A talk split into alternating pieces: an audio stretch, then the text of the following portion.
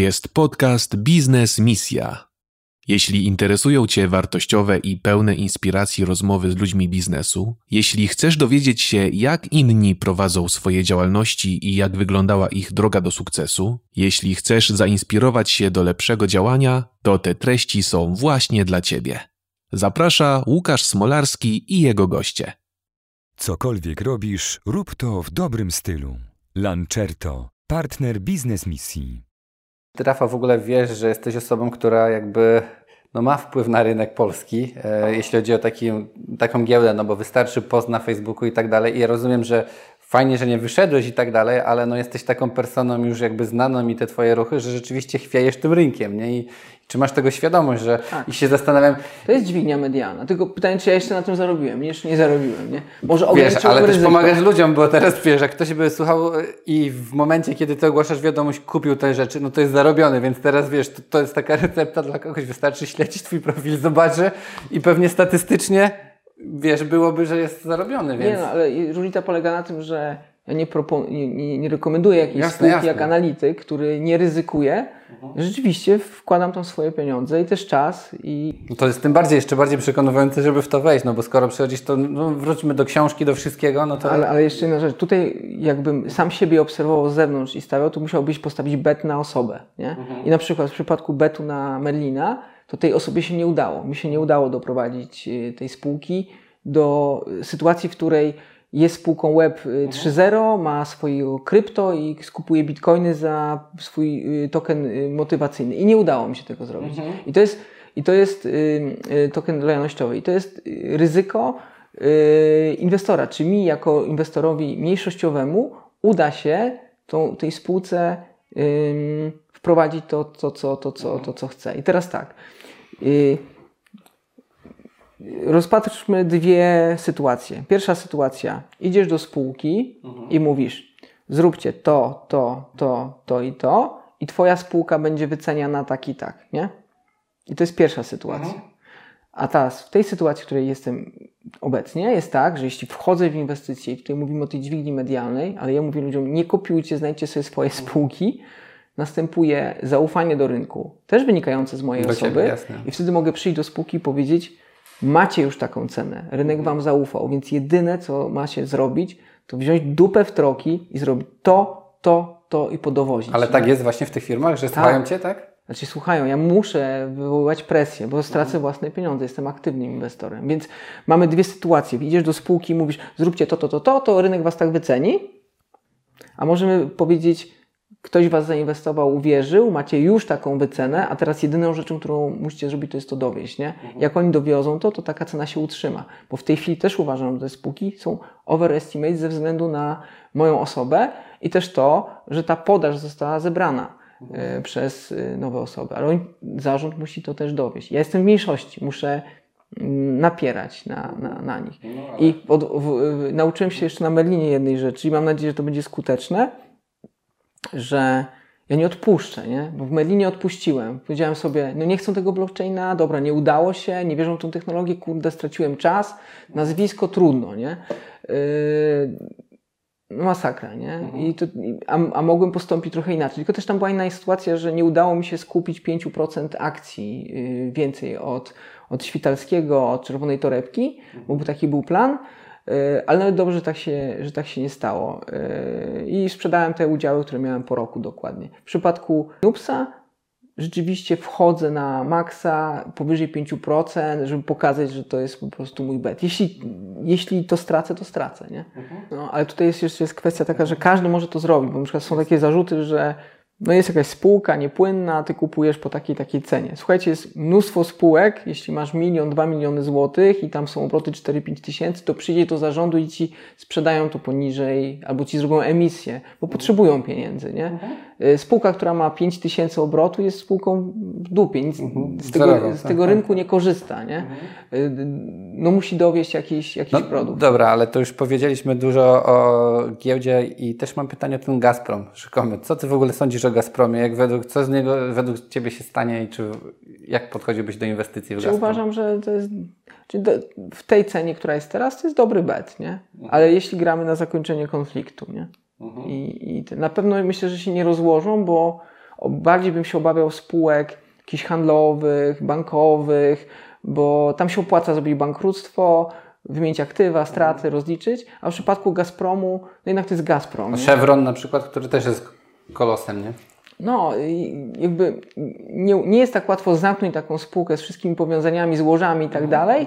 Lepiej jest ją uratować i inaczej wycenić. Ale wracając do historii, w 1912-10 roku obligacje y, Cesarstwa Rosyjskiego wydawały się jedną z najlepszych y, inwestycji, inwestycji nie? Mm. No. No, I, a I do tej pory, powiem Wam, y, inwestorzy czekają na pewne odsetki od y, perspektywicznych obligacji y, rosyjskich i czekają na cara, który im to spłaci. Nie nastąpiło to, więc jakby his, historia uczy, że mogą mieć takie sytuacje drama, dramatyczne. Nie? To ja mam pytanie, bo dużo osób jeszcze y, chciałoby to wiedzieć, to co trochę powiedzieliśmy. Ja Cię wcześniej jeszcze też pytałem, że no, są młodzi, mają jakieś pieniądze i co Ty miał, dzisiaj jakbyś miał 20 tysięcy złotych na przykład, to czego byś zaczął? Wiem, że to jest trudne, ale no, masz tylko tyle kasy i siadasz dzisiaj do komputera, nie masz nic i... Mój ojciec mi powiedział w takim wieku, idź do normalnej pracy, do stoczni, będziesz spawaczem,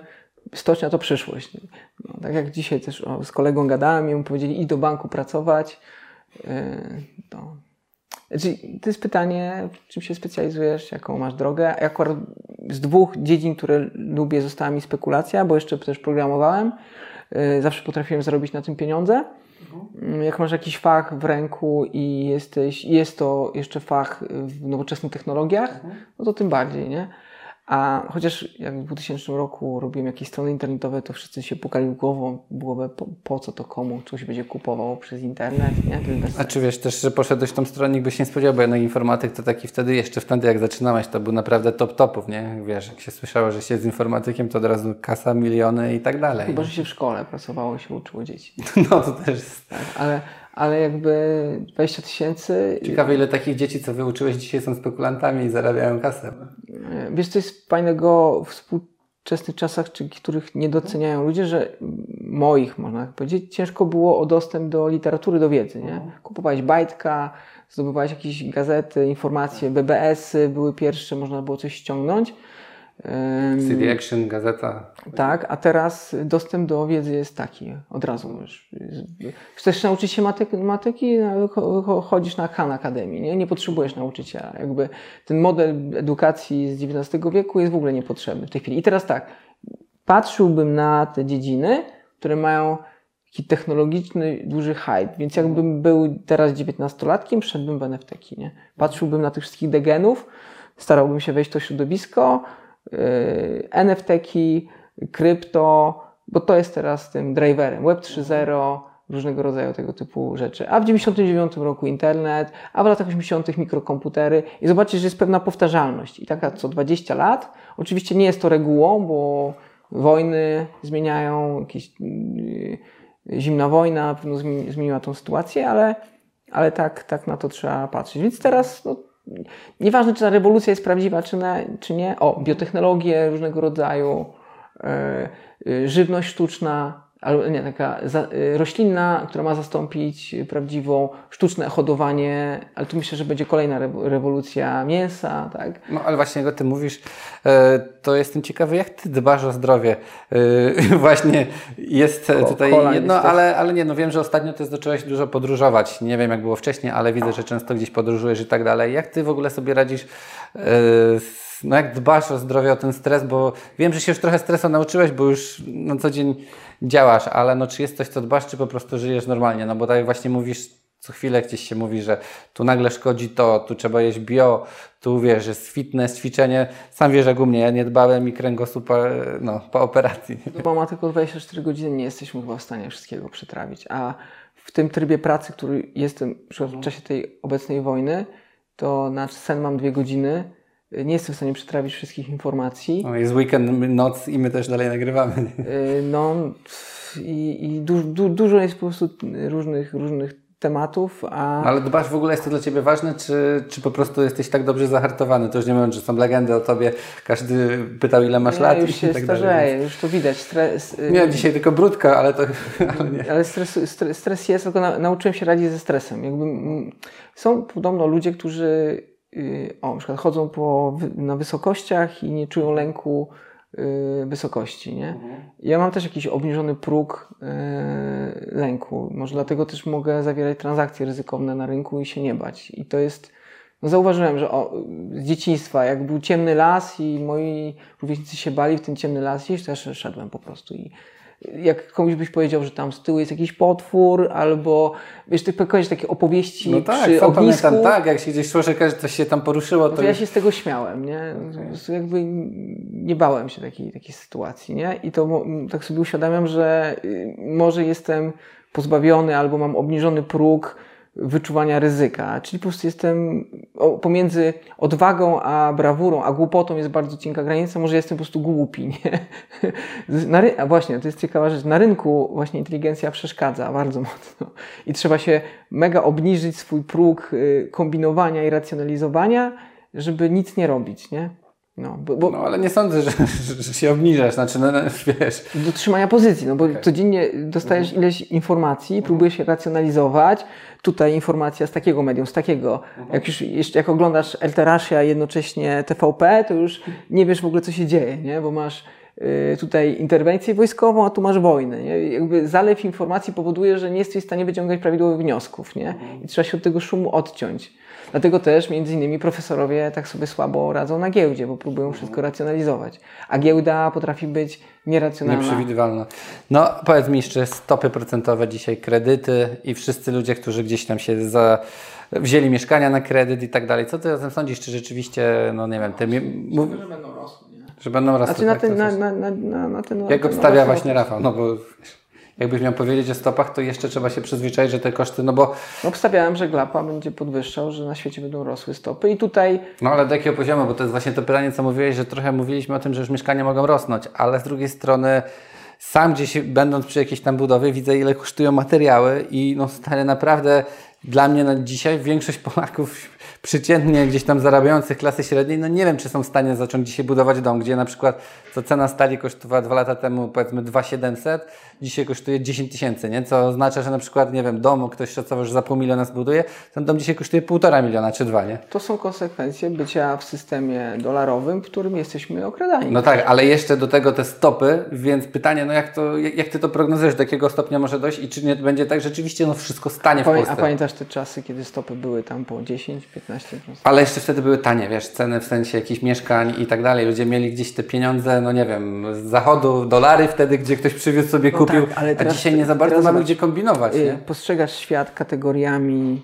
mm, tego systemu, tej gry, w którą grasz, a dla mnie to, co się dzieje z walutą, jest tylko kwestią takiej albo nie innej wyceny. No, jakbyś miał kupować Forda w latach dwudziestych, no to byś zapłacił pewnie parę dolarów, tak? Nie wiem, nie, aż pamiętam, tak ale nie- mniej dolarów niż teraz, przynajmniej 10 może razy mniej. No a niby dolar taki Jeszcze był dostępny, bo dzisiaj pewnie byś go jeszcze nie otrzymał. Będzie dwa lata oczekiwania. no, na przykład, nie? I, i jakby ja roz, rozpatruję, że pieniądze nie są problemem, pieniądze są tylko narzędziem kontroli społeczeństwa. Czyli y, jakby zmieniliśmy system 19, no nie sprzed 500 lat pańszczyźniany, arystokracja, namaszczenie boskie, jestem królem i tak dalej. Y, I elity chcą żyć w, w, jakby w lepszym komforcie, ale do lepszego komfortu potrzebują inteligentnych ludzi, którzy przeczytają instrukcje obsługi, naprawią im ciepłą wodę, kran, nie wiem, dostarczą usługi, żeby potrzebujesz ludzi oczytanych, a ludzie oczytani nie tylko czytają instrukcje obsługi jakiegoś urządzenia, żeby ci jako osoby, osobie posiadającej kapitał było lepiej, ale też czytają pisma rewolucyjne, Marx, Kapitał i tak dalej. I moja teoria może będzie śmieszna, ale uważam, że ten system jest po prostu kredyt, systemem konsumpcyjno-kredytowym, związanym z główną pracą i obracasz się w tym. Dzięki temu masz sens życia, No ale czy to się nie zmieni właśnie, że stracisz ten sens życia, bo dzisiaj jak Nie na przykład ktoś wyce- pracuje, wiesz, nie wiem, dużo osób pracuje nawet na dobrych stanowiskach w korporacji, szczelamy, niech zarabiają 15 tysięcy.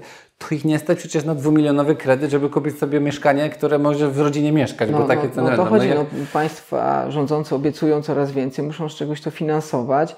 E, Nam się wydaje, że y, przeciętnemu po- Polakowi... Ale czy nie upadnie ten system? No wiesz, nie, nie upadnie, no po prostu będziesz miał inaczej y, upadek dolara, nie wiem, no. Po prostu będziesz miał Nie, droższy... nie mówimy o upadku dolara, bardziej chodzi mi o to, czy wiesz, no nie wiem, albo będziemy mieszkać w kawalerkach, mikro się gnieść No jak w no Japonii. tak, dobra.